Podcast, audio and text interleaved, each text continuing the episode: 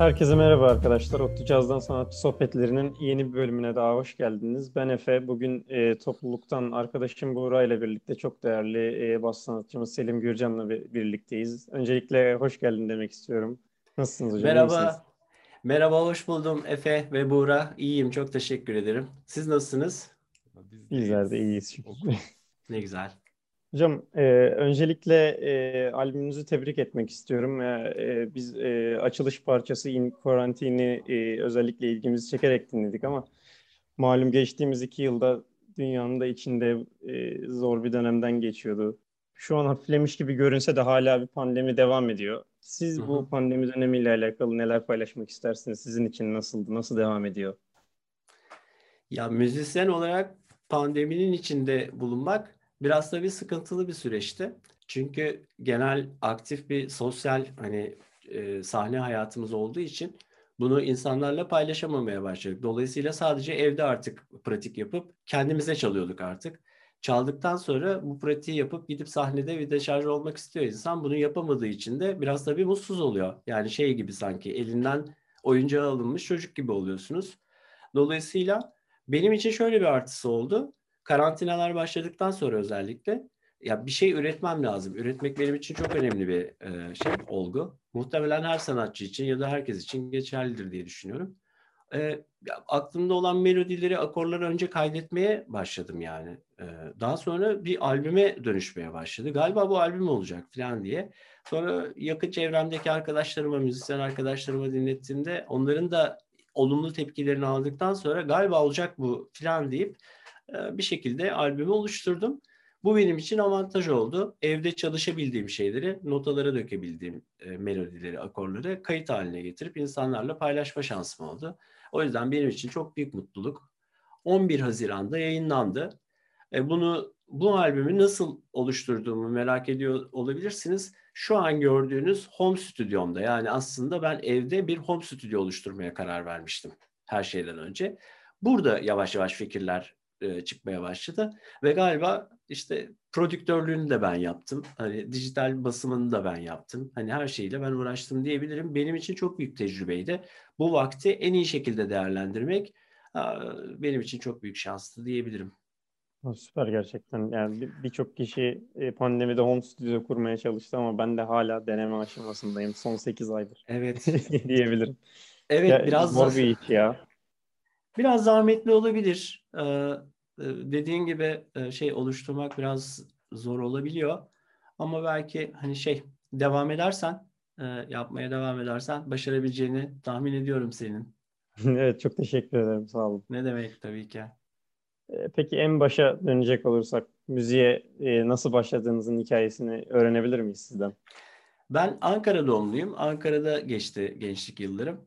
Üniversiteye kadar Ankara'daydım. 17 yaşındayken Ankara'da Yüksel Caddesi, Konur Sokak bilirsiniz. Ee, eskiden daha da güzeldi. Yani sağ 93 yılında tekrar Ankara'ya taşındığımda babamın işleri sayesinde dolayısıyla o sanat sokağı gibi bir yerdi Yüksel Caddesi o dönem. Ve çevrenizde hani kitap okuyan, sokakta gitar çalan, resim yapan insanlar görüyordunuz. Onlar beni çok etkilemişti. Onların içinde e, onlarla birlikte vakit geçirmeye başladım. Bir gün bir arkadaşım çok yakın arkadaşım oldu tabii şimdi. Case'inden bir bas gitar çıkarttı. Yanımda otururken çalmaya başladı. Ben de meraklı gözlerle baktım. Acaba bu nedir? Nasıl çalınır falan gibi. Çalmak ister misin dedi önce bana uzattı. Tabii dedim nasıl çalınır peki? İşte biraz gösterdi falan derken. İlk yani müzik enstrümanı ilk kez hayatımda elime o zaman geçti diyebilirim yani. Ardından e, kendime bir bas gitar almaya karar verdim müzikteki yerini falan incelemeye başladım. Bir şekilde o sesleri duymaya başladım. Daha sonra o bas gitarı aldıktan sonra e, işte çeşitli metotlar edindim. Ardından e, işte birçok caz albümü dinleyerek kendimi kulağımı geliştirmeye çalıştım. Genel olarak böyle başladı. Yani peki akademik olarak bir eğitim aldınız mı ya da sonradan üzerine bir şey eklediniz mi? Evet, o da şöyle oldu. E, Hacettepe Üniversitesi'nde ben e, klasik müzik acaba okuyabilir miyim demiştim. Çünkü geç, yeteneğimi biraz geç fark edim, e, ettim diyebilirim. Bir de bizim e, genel olarak ailemizde de biraz fark edilmemiş bir şeydi galiba. E, konservatuara gittiğimde e, yaşımın geç olduğunu biraz yani buradaki öğrencilerimizin ortaokul belki ilkokul seviyesinde başladıklarında sen yeteneklisin fakat seni alamayacağız gibi bir şey söyledikten sonra onlar e, bu sanki benim için hayal gibi oldu. Ardından Anadolu Üniversitesi Devlet Konservatuvarı'nda keman yapımı bölümünün açıldığını duydum. Bir arkadaşım bana bahsetmişti. E, istersen birlikte gidebiliriz. E, güzel bir bölüm olabilir demişti. Sonra Eskişehir'e gittik. O sınava girdik ve o sınavı kazandık. Yani enteresan bir şekilde. Sonra Anadolu Üniversitesi'nde e, keman yapım bölümünden mezun oldum. Bu sırada violonsel dersleri almaya başladım. Dikey pozisyonda perdesiz, yayla çalınan farklı bir akor sistemine sahip yepyeni bir enstrüman ve bakış açım çok değişti yani müziğe ve e, enstrümanlara karşı. Ardından tabii hep caz müzik çok dinlemiştim yani. Belki formlarını bilmiyordum daha önce, öğrenmemiştim fakat e, hep ilgim vardı. Daha sonra kendime bir kontrbas aldım. E, biraz müzisyen arkadaşlarımla bir arada çalmaya başladık filan derken e, konservatuarın ardından İzmir'e taşındığımda da Onur Mülayim'den caz armonisi dersleri aldım. Bu benim bakış açımı tamamen değiştirdi. Müziğe ve caza olan bakış açımı. E, daha sonra caz sahneleri fazlalaşmaya başladı. Onur'la birlikte çaldık. İzmir'deki birçok e, caz müzisyeniyle sahne aldım. Ardından e, farklı şehirlerden, İstanbul'dan, Ankara'dan gelen müzisyenler benimle İzmir'e geldiğinde, çalışmak istediklerinde bunların hepsi benim için deneyim oldu ve hani e, o günlerden beri hala hani devam ediyor. Senin hocam peki hayatınızda hani müzikle olsun ya da sadece enstrümanınızla olsun bunun gibi başka dönüm noktaları oldu mu hiç bahsetmek isteyeceğiniz? Yani dönüm noktam 17 yaşındayken o sokakta oturduğum şey e, e, sokakta otururken Ömer'in bana bas gitarını çalmak ister misin dediği nokta çok önemliydi. E, bunu hatırlıyorum.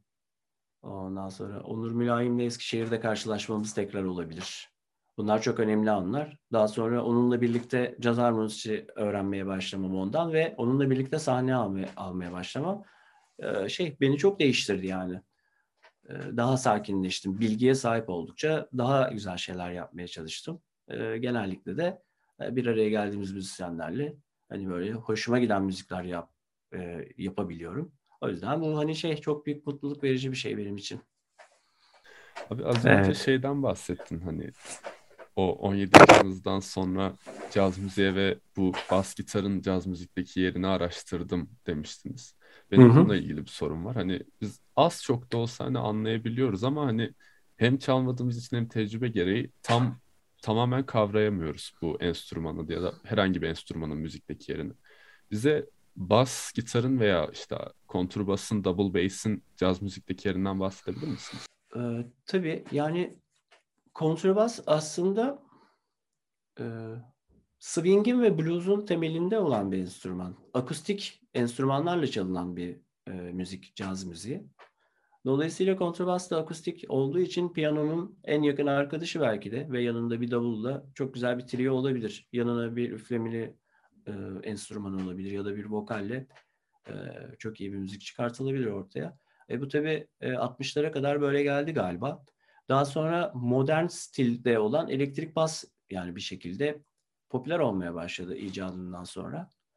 Ve bu müziğin de hani e, içine girdi diyebilirim. Biraz e, nasıl söylesem klasik caz, standart caz e, formunda çok kullanılan bir şey değildi ama burada da kullanılmaya başladı elektrik bas.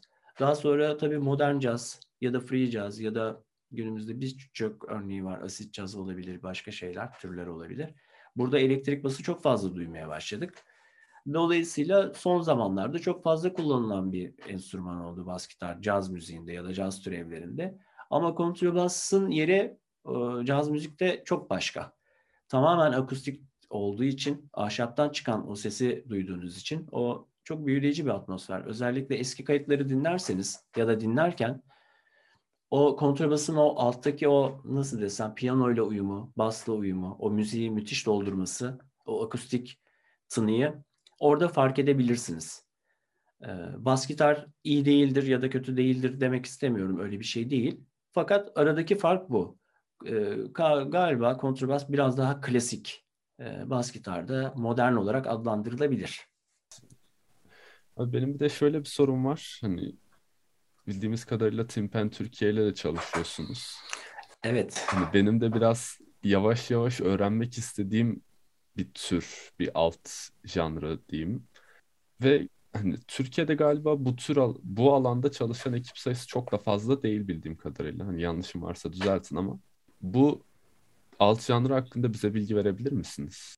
Aslında swing biraz e, cazın biraz öncesi gibi e, düşünebiliriz. Örneğin o 1930'larda New Orleans'ta özellikle çok canlanan bir müzik, çok kıpır kıpır bir müzik. Yani böyle sokakta insanların eğlenerek, işte dans ederek falan vakit geçirdikleri anda o çalınan müzik o swing'ti yani.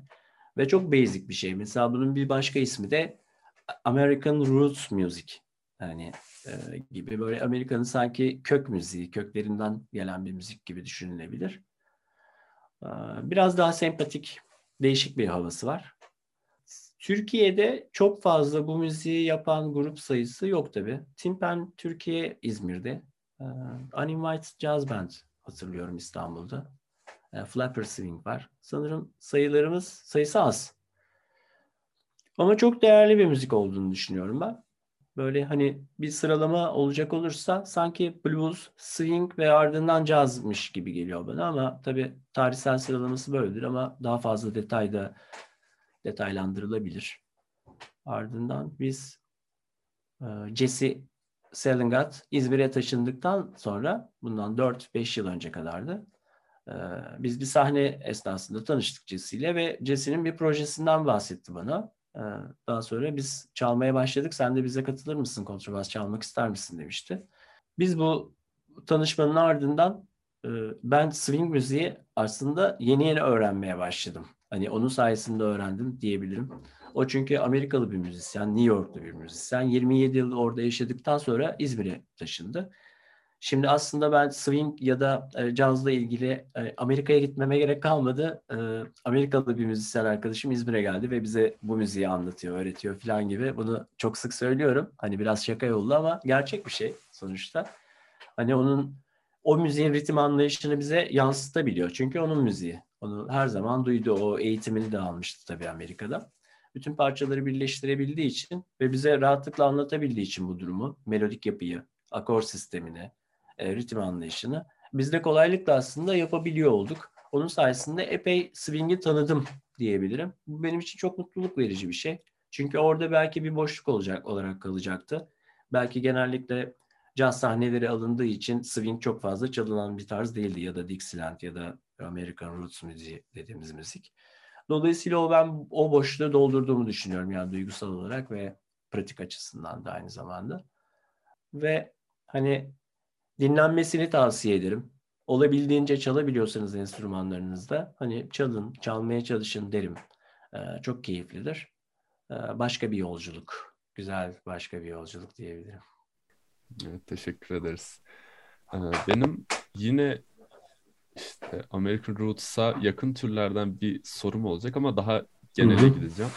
Şöyle ki şimdi az çok araştırdığımda şey görüyorum böyle üf, birkaç üflemelerin üflemelinin aynı anda sola attığı partisyonlar ya da o tarz çalımlar gördüm. Sanırım collective improvisation deniyormuş İngilizce'de. Bravo, evet. Bu bana biraz şey geldi. Nasıl dağılmadan çalabiliyorlar sorusunu getirdi aklıma. Sonra biraz araştırdım da ha hepsinin belli bir başlı bir görevi varmış döndü. Sonra aklıma şöyle bir soru geldi. Sizce herhangi bir müzik, herhangi bir türde müzik yapan bir grubun dağılmasını engelleyen şey nedir? Ya da bir grup ne yapmalı ki dağılmasın? Aslında çok güzel bir bakış açısı, çok güzel bir soru. Genellikle blues, swing ve cazda bir formu çalarsınız. Bu for, formu takip ettiğiniz sürece e, bunun dışına çıkmanız mümkün değildir. Bu formu takip edersek bunun dışına çıkmayacağız. Tabii ki şöyle bir şey var. Genel olarak biz formu takip ediyoruz. O formu takip ettiğimiz için yani aynı anda üç enstrüman da solo çalabilir bu arada. E bu da çok keyifli olabilir. O formu takip ettiğimiz için onun dışına çıkmayacağız yani doğal olarak. Evet, bu şey anlamına gelmiyor tabi. Hani bizi kısıtlayan bir şey mi? Hayır. Sadece orada bir akor progresyonu var. Onun üzerinden ben dilediğim melodiyi çalabilirim. Bir başka arkadaşım başka melodi ekleyebilir. Bir başka arkadaşım da başka bir melodi ekleyebilir ve ortaya enteresan bir müzik çıkabilir. Burası da işte doğaçlama yönü gibi diyebilirim. Çok güzel soruydu. Yine bir sorum daha olacak. Çok fazla soru sordum galiba ama. Ee, ne demek? Benim biraz böyle hani farklı türlere bir hevesim var diyeyim yani bu hoşuma gidiyor. Türkiye'de de hani biraz alışılagelmişin dışında müzik yapan bir ekip diyebileceğim belki de Yumak var. Hani sizin de bir parçası oldunuz. Evet. Biraz şey geldi. Acaba nasıl bir araya geldi bu ekip? Sonra nereden çıktı diye merak ettim. Bundan bahsedebilir misiniz biraz? Tabii ki seve seve. Ee, bu da aslında bu pandeminin başlamasından sonra karantina sürecinde başlamış bir e, birliktelik. Şöyle oldu. İzmir Devlet Senfoni Orkestrası'nın şefi e, Tolga Taviş, e, ben düzenlemeler yapmak istiyorum. Dünyanın çeşitli yerlerinden folk müzikleri e, klasik e, formda aranjmanlar ve düzenlemeler yapmak istiyorum ve piyano çalmak istiyorum diyor. Daha sonra e, yakın arkadaşlarını bu projeye dahil etmeye başlıyor. Bunları yazdıktan sonra. Dolayısıyla örneğin Türkiye'den türküler alındı. İşte Balkan coğrafyasından halk müzikleri alındı. E, bir e, Rus e, halk müziği alındı. Bir İsviçre pardon İsveç halk müziği alındı ve oralardan bu düzenlemeler yapıldı ve dolayısıyla biz 9 kişi bir araya geldik. E, genel olarak Tolga Teviş'in fikri buydu. Sonra e, piyanoyu kendisi çalıyordu. Kontrabasa benim gelmemi istedi. Bora Peynirci davula geçti. Ardından Sibel Gürsoy, Cansu Nihal Akarsu ve Merve Akyıldız'da üç tane solistimiz oldu.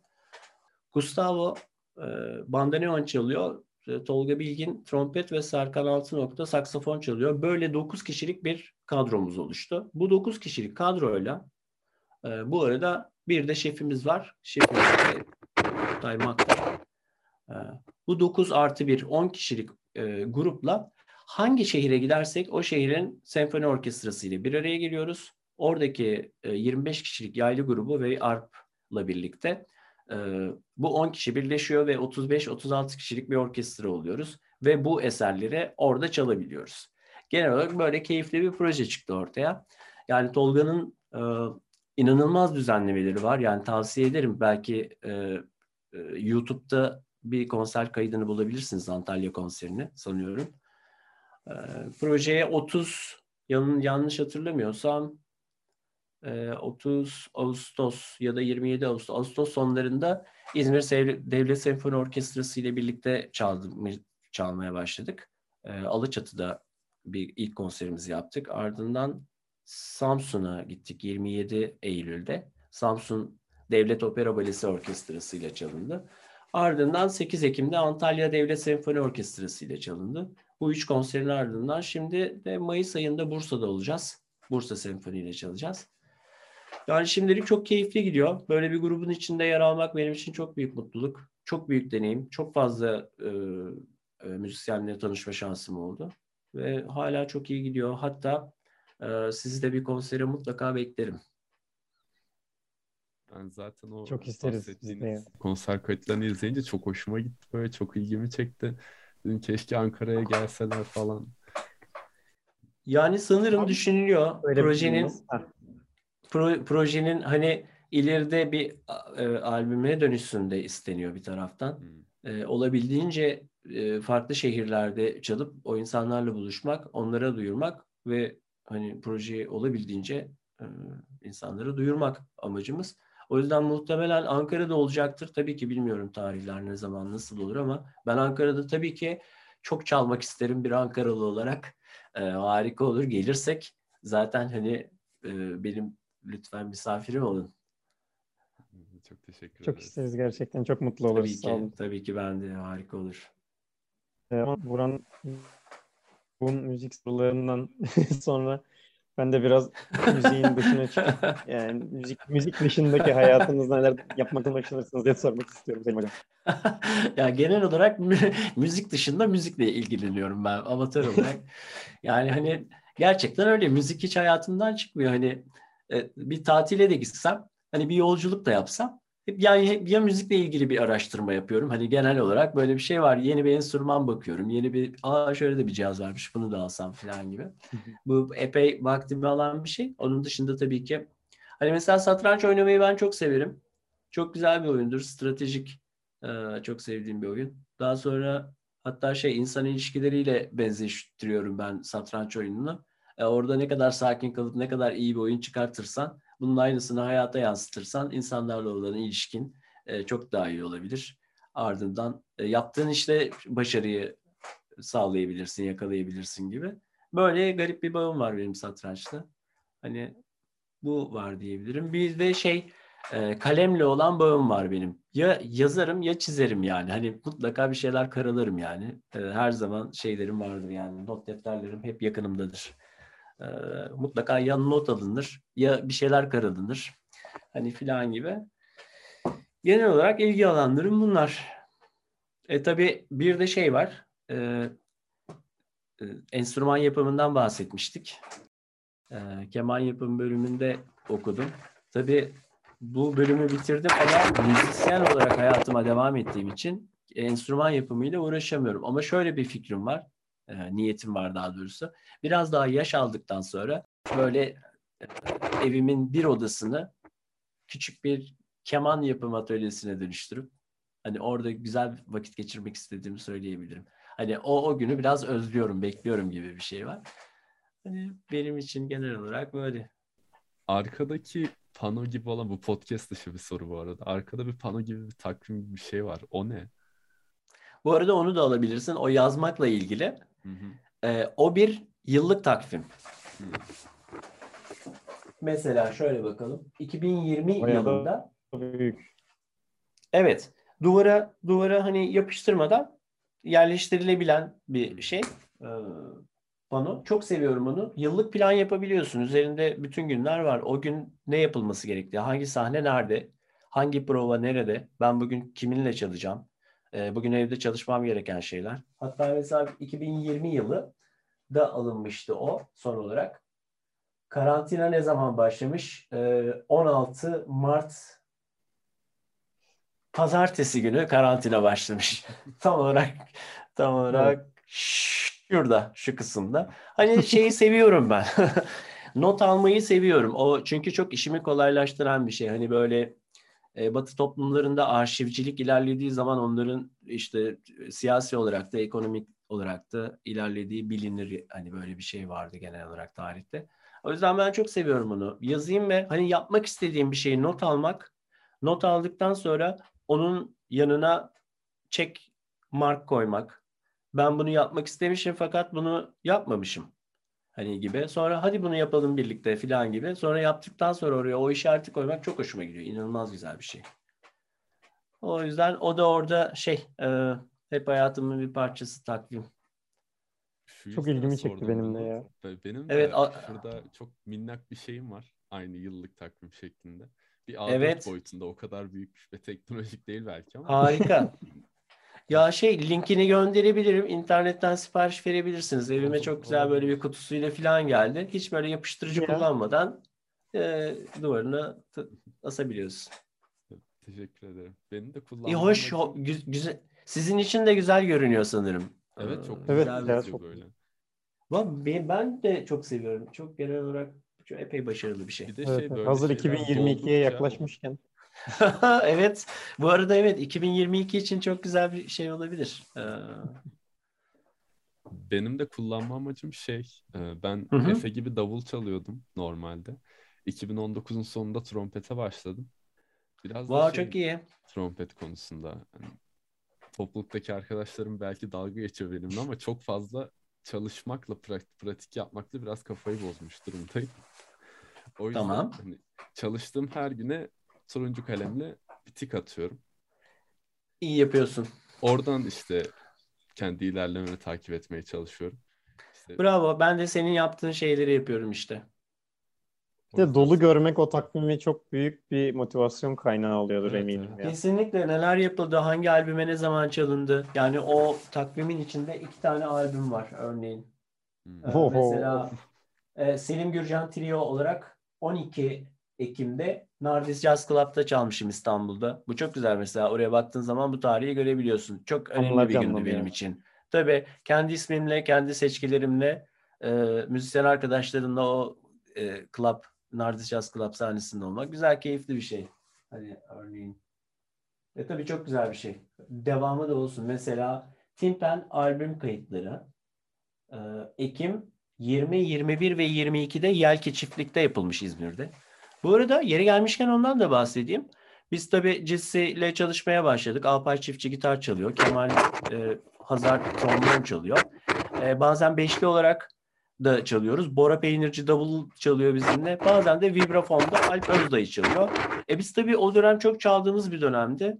E, Jesse'nin bestelerinden ve coverlardan oluşan bir albüm yapalım dedik Türkiye'de swing dansçıları için. Ve o dönem kaydedilmiş olan albüm şu anda 1 Mayıs pardon e, 1 Kasım itibariyle tüm platformlarda yayınlandı. Spotify'da, işte Deezer'da her yerde bulabilirsiniz. Bandcamp'ten satın alınabilir. Amazon'dan satın alınabilir şu anda. Ve hani dinlemenizi tavsiye ederim eğer dinlemediyseniz. Benim çok severek çaldığım e, bir albüm. Evet ben mesela görmemiştim yeni bir albümü. İyi oldu hemen. Podcast'ten sonra hemen. Harika olur. Güzel bir ses sistemiyle ya da kulaklığınız varsa çok tavsiye ederim. Ya benim çok gerçekten severek çaldığım bir albüm oldu. Ee, bir sanırım ikinci e, kez kontrabas çaldım bir albümde. Ee, benim için hem tecrübe hem çok keyifli bir anı. Siz ne zaman başladınız davul çalmaya, enstrüman çalmaya? Benim lisede başladı macera aslında daha yeni sayılır diğer topluluktaki arkadaşlarıma nazaran hani daha geç tanıştım çaldığım enstrümanla. Şimdi dört buçuk yıl falan oluyor takriben. Ama Güzel. e, gerçekten o kadar hani yoğun bir iyi hissiyat var ki yani davulla aramda, davulla oturduğumda hissettiğim şeyler. Hani e, bazı insanlar tabii ki hani başka enstrümanlara e, yönelebiliyor ya da hani aynı anda birkaç enstrüman çalabiliyorlar. Hani tabii ki bunlar e, her zaman olan normal şeyler ama bana hiç yani imkansız geliyor böyle davulu bir yana koyacağım başka bir enstrümana odaklanacağım falan hani benim için bu tabii düşüncem ama öyle bir yoğunluk var davulla aramızda. Anlıyorum, süper. yani. Harika. Diyorum. Hangi tarzları çalıyorsun? Neler seviyorsun? E, son e, ODTÜ'ye geldiğimden beridir hani caz müziğe ve hani daha çok e, Latin müziğe diyeyim Latin caz ve funk arasında hani gidip geliyorum. Ama başlangıçta her liselinin başladığı gibi davula Anadolu rock ve Türkçe rock müziklerle başlamıştım. Çok Tamam, çok eğlenceli zamanlardı. Ee, çok güzel. Bence de yani hepsinin tadını çıkartmak lazım. Hepsinin ayrı güzel olabilir. Evet, Gelişim için ama- özellikle. Evet gerçekten. Ya ben böyle lisedeyken de e, şey olmuştu birazcık böyle nasıl desem hani caz müzik dinliyorum sanıyordum, çalabiliyorum sanıyordum. Ama ODTÜ'ye geldiğimde hani o e, benden daha önce davula başlamış, daha uzun süredir cazla ilgilenen insanları gördüğümde dedim ki ha benim çaldığım şey caz değilmiş. Hı hı. E, caz çalmak, caz dinlemek, dinlediğim şeylerin hani bu varyasyonların farklılığını görmek çok büyük bir kapı açtı bana. Hani üniversite ortamında ODTÜ caz topluluğuyla tanışmak. Bu şekilde gerçekten görüş yelpazem açıldı. Bence de çok iyi bir şey yapmışsın. Yani o bakış açının değişiyor olması sürekli e, çok güzel bir şey. Müzikte benim dikkat ettiğim yani hep hayatımda olan bir şey var.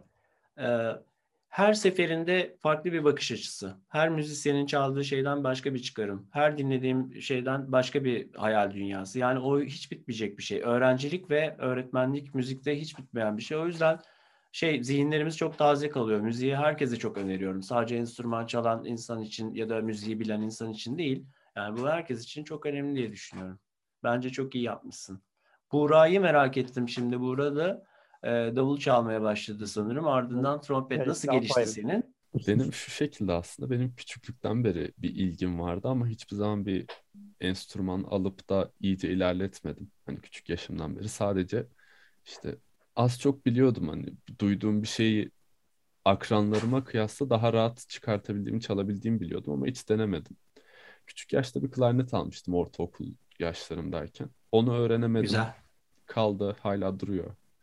Sonra liseye geçince işte lise birin sonunda davula başladım ben de Efe gibi. Yani uzun bir süre davulla devam ettim ama Efe gibi şey değildim. bağlanmamıştım diyeyim. Yine seviyordum. Yani çalarken eğleniyordum. Çalışmayı da seviyordum ama 11. E, sınıftan itibaren yavaş yavaş hani farklı türleri de dinleye dinleye yavaş yavaş trompet de çok güzel enstrümanmışa döndü benimki.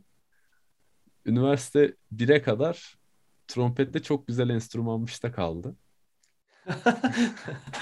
Sonra yine topluluktan arkadaşımız Yiğit'le şeye gitmiştik. Akbank Jazz Festivali kapsamında Ediz Hafızoğlu'nu dinlemeye gitmiştik Nazlı Bey.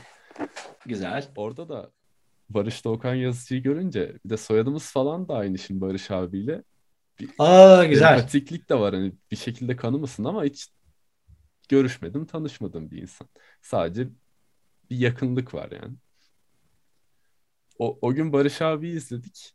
O haftalarda da düşünüyordum hani alsam mı, ne alabilirim, paramı biriktiriyorum falan. Yiğit'e döndüm dedim konser çıkışı. Hafta sonu gidip trompet alıyorum dedim. Emin misin dedi. Eminim dedim. Gidip alacağım dedim. Gidip aldım. 2-3 hafta sonra işte müzik öğretmenime danış, danışmıştım lisedeki hocam. İşte ders almadan yapabilir miyim dedim. Yapamazsın dedi. Çok zor olur dedi. Hemen bir hoca bulduk. Hı hı. İşte Serkan Kararslan'a da Serkan Hoca ile devam ettim. İki yıldır da az çok çalışmaya çalışıyorum. Valla benim yani çok beğendim. Çok iyi bir şey yapıyorsunuz. Şunu merak ediyorum. Ee, grubu ne zaman kuruyorsunuz? Aslında o kadar böyle kendi içimizde biz Otticaz topluluğunun içindeki hani e, böyle bir 15-20 kişiyiz diyeyim yani kemik kadro şu anda. Evet. Hep böyle kendi aramızda öbekleşip farklı farklı gruplar oluşturuyoruz böyle. Bir o grup oluyor, bir bu grup oluyor. Hiçbir grup sabit kalmıyor. O grubun içinde başka biri çalıyor onun yerine. Hani ben kalkıyorum davuldan işte arkadaşım tamam. oturuyor. Burada davula oturduğu oldu hala zaten. Yani davulu bırakmış değil burada. O yüzden böyle birbirimiz için de müzik üretmeye çok e, şeyiz nasıl eğitim e, eğilimliyiz diyebilirim. O çok Süper. hem eğitici, geliştirici oluyor bizim için hem de çok eğlenceli gerçekten. Siz de daha iyi bilirsiniz tabii. Kesinlikle çok doğru, çok güzel bir şey söylüyorsun. Cazın en güzel tarafı nedir biliyor musunuz? Yani benim e, en çok sevdiğim tarafı farklı kişilerle bir araya gelip hemen bir şeyler yapabilirsin. Yani belki de müzik için, sadece caz için değildir de müzik için hemen üç kişi bir araya gelip bir şeyler yapabiliyor. Harika bir şey. O o gün mesela bir arkadaşın gelmemiştir, bir başka arkadaşınla hemen yapabilirsin tadında. Bence bu üniversitelerdeki bu kulüpler sonra sizin bu birlikteliğiniz falan bence çok değerli şeyler. Yani ileride e, bugünleri şey yapacağız yani güzel güzel yad edeceğiz öyle söyleyeyim. Bu şey... arada basçıya ihtiyacınız olursa ben Gelirim yani birlikte çalalım. Estağfurullah ya çok çok mutlu şimdi, oluruz tabii ki. Şimdi burada bir davulcu var, bir basçı var, bir de trompetçi var. Yani hiç fena trio değil. Buğra ne dersin? Valla yani benim Bana gözlerim bir anda parladı. Ben dünden razıyım çalmaya. Harika. Bu arada lütfen devam edin. Yani hani daha sonra da haberleşelim mutlaka. Enstrümanımızı nasıl geliştirebiliriz, neler yapılabilir falan gibi. Hani peşini bırakmayalım olabildiğince. Dünyanın en güzel şeyi bence müzik yapmak. Müzikle bir arada. Müziğe yakın olmak yani öyle söyleyeyim. Ben bir şey daha eklemek istiyorum Efe'nin az önce dediğine. Hani dedi ya Tabii ki. geldiğimde ben caz çaldığımı sanıyormuşum gibi bir şey söyledi. Evet. Hani benim için de geçerliydi. Bu çoğumuz için geçerliydi. Hem kişilik olarak hem de müzikalite olarak en çok geliştiğimiz yaşlardaydık çünkü. Ki hala öyleyiz. Ee, ilk geldiğimde açıkçası biraz şey olmuştum, çekinmiştim hani. Çünkü benden daha uzun süredir çalan ve çalışan insanlar var, benden daha iyiler. Ama gerçekten topluluktaki arkadaşlar o kadar şeylerdi ki hepsi öğretmeye çalışıyordu ve hiçbiri bir şey, ezmeye ya da başka bir şey yapmaya çalışmıyordu. Hepsi hadi birlikte Bravo. Çalalım, öğrenelim demek istiyordu. Bravo. Yani bu gerçekten çok güzel bir şeydi. İki, Efe için de benim için de. Ya müzik çok iyilik doğuran bir şey. Ben böyle bir şey olduğuna inanıyorum. Bunun mesela çok güzel bir örnek verdin. Bu örneğin aynısını ben yaşıyorum biliyor musunuz? Mesela işte Antalya Senfoni ile çalmak, İzmir Senfoni ile çalmak, Samsun'da o kadar değerli müzisyenler var ki e, onların seviyesine ulaşmak çok zor olabilir ama hep bir arada hareket ediyoruz. Yani bir şeyi yapmaya çalışıyoruz aslında o sınıfta. Hani gibi şefimiz var, öğretmenimiz var. Biz de onun öğrencileriyiz gibi. O yüzden o hiç bitmeyen bir şey. Her yerde çok büyük sahneler olabiliyor. Bazen çok e, tecrübeli, çok e, tanınmış insanlarla müzik yapma fırsatınız oluyor. Orada aynen biraz önce senin söylediğin gibi o, öyle bir hava oluşuyor. Orada birliktelik oluyor ve herkes birbirine bir şey öğretiyor. Herkes birbirine el uzatıyor. Müziğin en güzel tarafı bu bence. Hocam o zaman ben e, bir soru daha sormak istiyorum. Tabii. E, şimdi diyelim ki bir paralel evrende ya da artık nasıl derseniz e, o arkadaşınız yanınıza oturup bas gitar çıkarmasa, hiç bas gitarla tanışmasanız ve e, şu anki durumunuzda olmasanız mesela diyelim ki hayatınızda neye ağırlık vermek e, isterdiniz ya da mesela Selim Gürcan bir e, kontrbas dışında nasıl biri olurdu diyelim kontrbasla hiç tanışmasaydı? Nasıl olurdu biliyor musun? Yine, o yine bas basçı olurdu yani o bas gitarı bulurdu. Çünkü ben hissediyordum yani basçı olacağımı hissediyordum. Hani böyle ne bileyim Led Zeppelin falan çok dinlemiştim. Çok yakın bir arkadaşımın abisi vardı bizden. Çok yaşça, çok büyük. Daha sonra böyle bir iki tane kaset bırakıp gitmişti. O böyle zehiri bırakmak gibi bir şey. Böyle kasetleri, Led Zeppelin kaseti bırakmış, Pink Floyd bırakmış. Sonra orada bir Nirvana, Metallica falan böyle bir tane Coltrane gibi böyle. Sonra o oraları dinledikçe onu fark etmeden o müzik içine işlemiş yani gibi oldu benim için. Hep öyleydi. O yüzden ben şimdi başka bir evrende olsam muhtemelen yine basçı olurdum yani. Ya Jaco'yu yine bulurdum bir yerden ya Stanley Clark'ı bulurdum. Hani bir şekilde çok acayip bir şey yani. Öyle hissediyorum nedense. Nasıl bir cevap bilmiyorum ama. Yok anlıyorum ben sizin cevabınızı. Ya muhtemelen bana da böyle bir soru sorulsa ben de aynı cevabı verirdim. Hani ne çalardım yani diye. Evet, belki şöyle bir şey olabilir. Hani bas gitarla başladım. Daha sonra kontrbas çalmaya başladım. Belki kontrbasla başlayıp bas gitara geçebilirdim. Yani böyle bir değişiklik olabilir. Yine aynı sularda yüzmeye devam ederdik. ya muhtemelen çünkü orası çok değişik bir alan. Yani inanılmaz bir dünya orası. Çok keyifli. Bir evet, gün gerçekten. bir gün bir araya geldiğimizde böyle el, ben, ben e, işte elimde bas gitarım ya da kontrbasım sen Efe işte davulun işte senin de Buğra trompetin yanında olduğunda o gün böyle çalmaya başladığımızda aralarda falan böyle azıcık ufak ufak bahsedeceğim yani basın müzikteki yerinden size. Yani çok acayip yani. Yani ben ne hissediyorum onu anlatmak isterim size. Ve şimdi tabii biraz zor oluyor ekran başında ama yan yana geldiğimizde çok anlatmak isterim. Ya umut ediyorum gerçekten bir gün karşılaşırsak. Evet çok isteriz. Evet gerçekten. kesinlikle. Onur duyarız yani. Vallahi ben bir konsere mutlaka bekliyorum sizi. Hatta e, albümü yaptıktan sonra Ankara'ya gelip hiç çalmadım. Belki Ankara'da ODTÜ'de bir konser ayarlayabilirsek belki bir trio ile gelmek çok e, şey çalmak isterim yani Ankara seyircisini, ODTÜ seyircisini e, çok seviyorum Ankaralı. Tabii ki hocam. Öğre- Buyurun gelin başımızın üstünde yeriniz var ya. Her zaman, her zaman. Umarım yakında. Abi, o zaman hani hazırladığımız sorulardan son olarak soracağım. Çünkü başka aklımıza gelen bir soru olabilir. Tabii ki, tabii ki. Nasıl isterseniz. Mesela biz ODTÜ'de okuyoruz ve müzik eğitimi almıyoruz. Sonuçta Efe uluslararası ilişkiler okuyor, ben istatistik okuyorum. Peki konservatuar öğrencisi olmayan genç müzisyenlere ne tavsiye verebilirsiniz? Yani hobi olarak yapmak istiyor olabilirler ya da meslek olarak mesleğe dönüştürmek istiyor olabilirler. Ne yapmalı bu insanlar sizce? Bence çalmak istediği eğer konu hani soru şu şekilde ise bir enstrümanistse bu kişi, hı hı. bu enstrüman çalmak isteyen kişi daha doğrusu ne yapmalı sorusuna şöyle bir cevap verebilirim. Mutlaka bir usta bulup onunla bir çay kahve içsin yani. Hani bu buradan başlanmalı diye düşünüyorum. Çünkü o tecrübelerini ona, bütün hayat hikayesini, o enstrümanla olan bağını, müzik hayatını anlatması bile onun için çok etkileyici olabilir. Ve ufku açılabilir o insan için. Mutlaka birini yakalayıp ve çekinmeden yani. Bu biraz önce bahsettiğimiz gibi gittiğimizde orada çok kalabalıktık ve herkes birbirine yardım ediyordu değil mi? Kimse hani kendini kötü hissetmemişti o durumda. Dolayısıyla bu enstrümanı çalmak isteyen kişi kesinlikle hemen gitsin bulsun onu.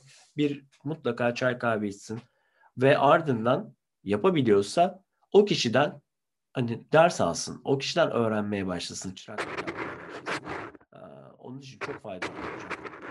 Burada müzik tabii ki duygularla e, e, duygularımız aslında bizim duygularımızı ifade şeklimiz.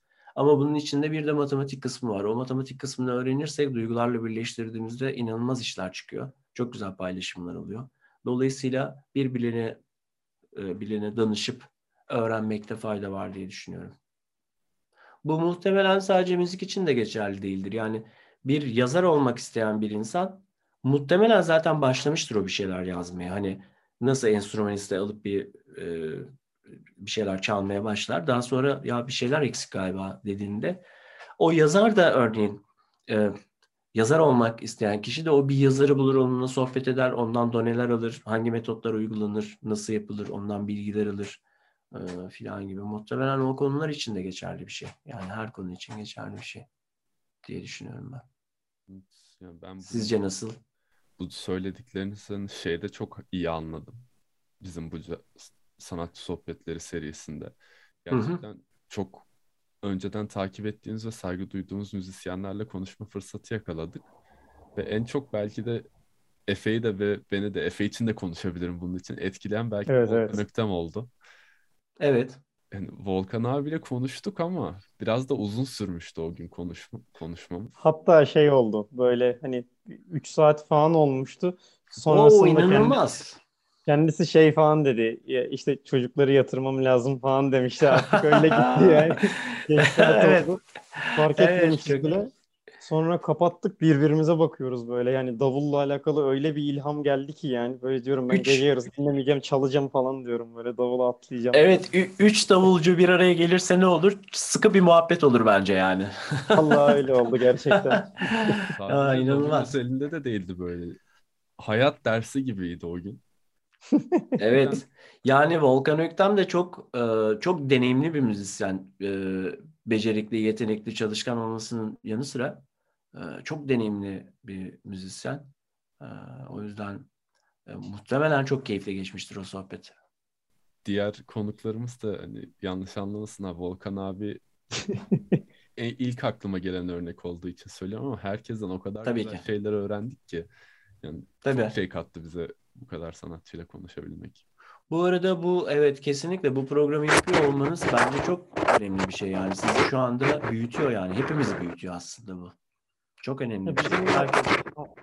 Evet amacımız zaten en başta oydu. Yani hem kendimiz böyle hani sizlerden tekrar ilham almak ve hani başkalarına da hani bu aldığımız ilhama ulaştırmak, bir kalıcı bir şekilde e, e, yani bunu saklayabilmek. YouTube'da, Spotify'da ve hani farklı yerlere aktarıyoruz. Tekrar tekrar dinleyebilmek, izleyebilmek.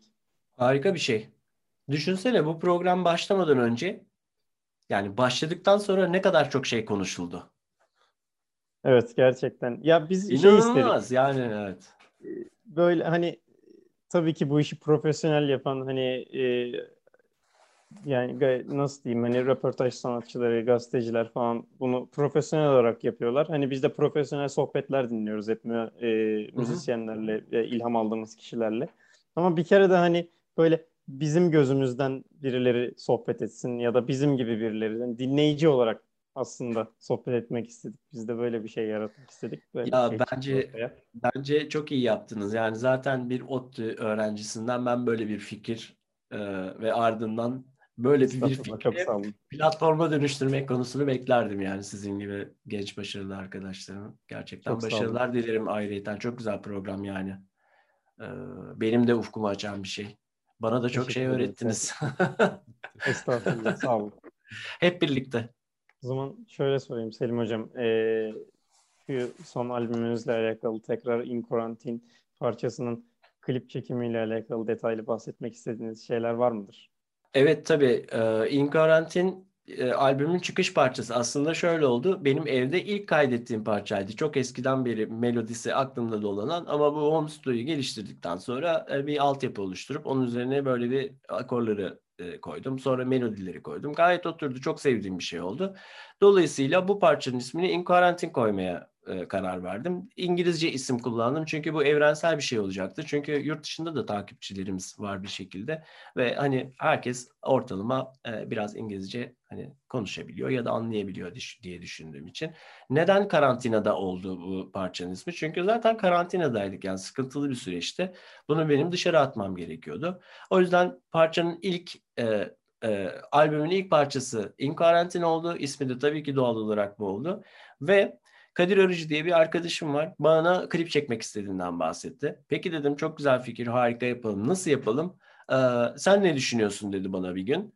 Ben şu geldi aklıma. İzmir'de karantina diye bir bölge var. Sahilde. Evet karantina mesela tramvay durağının olduğu bir bölüm var. Ve o klipte gördüğünüz arkadaki o beyaz taşlar böyle dişlere benzeyen o beyaz taşlar bir gün metro e, tramvaya bindiğimde evime gelirken e, burası karantina durağı ve bu beyaz taşlar çok güzel. Aa ilk klibi burada mı çeksek acaba filan diye arayıp Kadir'e tamam bunu yapıyoruz diye bir anda karar verildi. Ve ardından gittik e, işte bir saat içinde filan herhalde orada güzel böyle kayıtlar alındı. Seslerle birleştirildi. Benim çok hoşuma gitti yani gün batımına yakındı böyle. E, e, güzel de bir gündü. Biraz tabii e, üşütmüştüm o gün e, bir klip uğruna. Ama yapabileceğimiz şey yok. Bazen Ege Denizi e, sert esiyor. E, o yüzden o klip mesela çok keyifli oldu benim için. Hiç unutmayacağım bir klip oldu. E, albümün de ilk klibi oldu. O yüzden keyifliydi. Sizin hoşunuza gitti mi? Ne düşünüyorsunuz genel olarak? Ben zaten albümü ilk bahsederken de anlatmıştım. Bayağı hoşuma gitti. Hani klip de bir o kadar güzel. Ama Harika. dinlerken hani biraz şey gibi düşünmüştüm. Hani daha önceden aklınızda olan bir melodi değil de karantina sırasında aklınıza gelen bir melodiymiş gibi düşünmüştüm. Öyle değilmiş. Yani öyle oldu. Aslında şöyle. Aslında şöyle. O melodiler hep kafamda dolaşıyor. Hı hı. Ama ne zaman onu ne yapacağım yani gibi bir durum var tamam mı? Onun için de mesela genellikle sahne hayatı olduğunda e, ardarda sahneler alıyorsunuz. E, ardından hani mesela yapmak istediğiniz bir kaydı erteleyebiliyorsunuz ya da yapmak istediğiniz işleri erteleyebiliyorsunuz. Çünkü genellikle sahne provaydı gibi geçiyor hayatınız. Dolayısıyla onlara vakit kalmıyor ama karantina olduğu zaman hiç sahnem yok artık. Yani o gece tamamen benim yani soundcheck için 6'da gittiğinizi düşünün. 12'de bir program bitse yani 7 saat süren belki bir şeyden bahsediyoruz. O 7 saat tamamen bana kaldığı için o gezen aklımda gezen melodiyi yakalayıp Gel buraya. seninle seninle şimdi bir şey yapacağız gibi. Yani biraz öyle başladı. Hem biraz vardı hem biraz yoktu aslında. Parçalar birleşti gibi oldu. Yani genel olarak böyle. Parçanın bu arada ortasında bir bölüm var. Yani e, finalden önceki kısım. Böyle tansiyonun yükseldiği, gerginliğin arttığı. Orada şeyi anlatmaya çalıştım. Ben hoşunuza gider mi bilmiyorum. Parça genel hatlarıyla ortalama yumuşak bir şeye sahip yani ruh haline sahip. Ama ilerleyen bu bahsettiğim yerde tansiyon yükseliyor. Çünkü artık pandemi başladı. inanılmaz bir şey. Bütün dünya etkilendi ve herkes sinir sahibi oldu. Stres sahibi oldu. Evlerinden çıkamıyor insanlar. Dolayısıyla o karantina bizi çok etkilemişti. O gerginlik anını, tansiyonunu verdikten sonra birden tekrar e, eski güzel günlere dönen o melodiyi hani o, onu canlandırmıştım kafamda. Şimdi o eski güzel günlere dönmeye yaklaştık aslında. Şimdilerde iyiyiz. Biraz daha e, zaman geçtiğinde belki de işte pandemi bitmiş olacak tamamen. O zaman bütün dünyada herkes daha rahat hareket edebilecek diye düşünüyorum. Umarız gerçekten ya. Yani evet. Selim Hocam yani şunu diyebilir miyim anlattıklarınızdan? Yani fikirler doğacakları günü bekliyor aklımızda diye. Öyle. miyim? Evet kesinlikle bence çok iyi bir şey söyledin. Bir de şeyi çok seviyorum ben. Biraz önce hani sizin bir fikriniz vardı. O gerçekleşti. Ee, benim bir fikrim var. Ve onu yap yapabilirim. Yani ben bunu çok seviyorum. E, benim en sevdiğim oyun bu. E, bir fikrim var. Bu olur mu? Yapabilir miyim? Yapabilirim. Nasıl yapabilirim peki? Filan gibi. O yüzden çok seviyorum yani o fikirleri. Hep olsun hayatımızda. Ve yine az önceki konu hani sanırım bu fikirleri illa melodi olmak zorunda değil. Genel olarak bu fikirleri not etmek, bir şekilde bir yere yazmak, kaydetmek galiba çok önemli.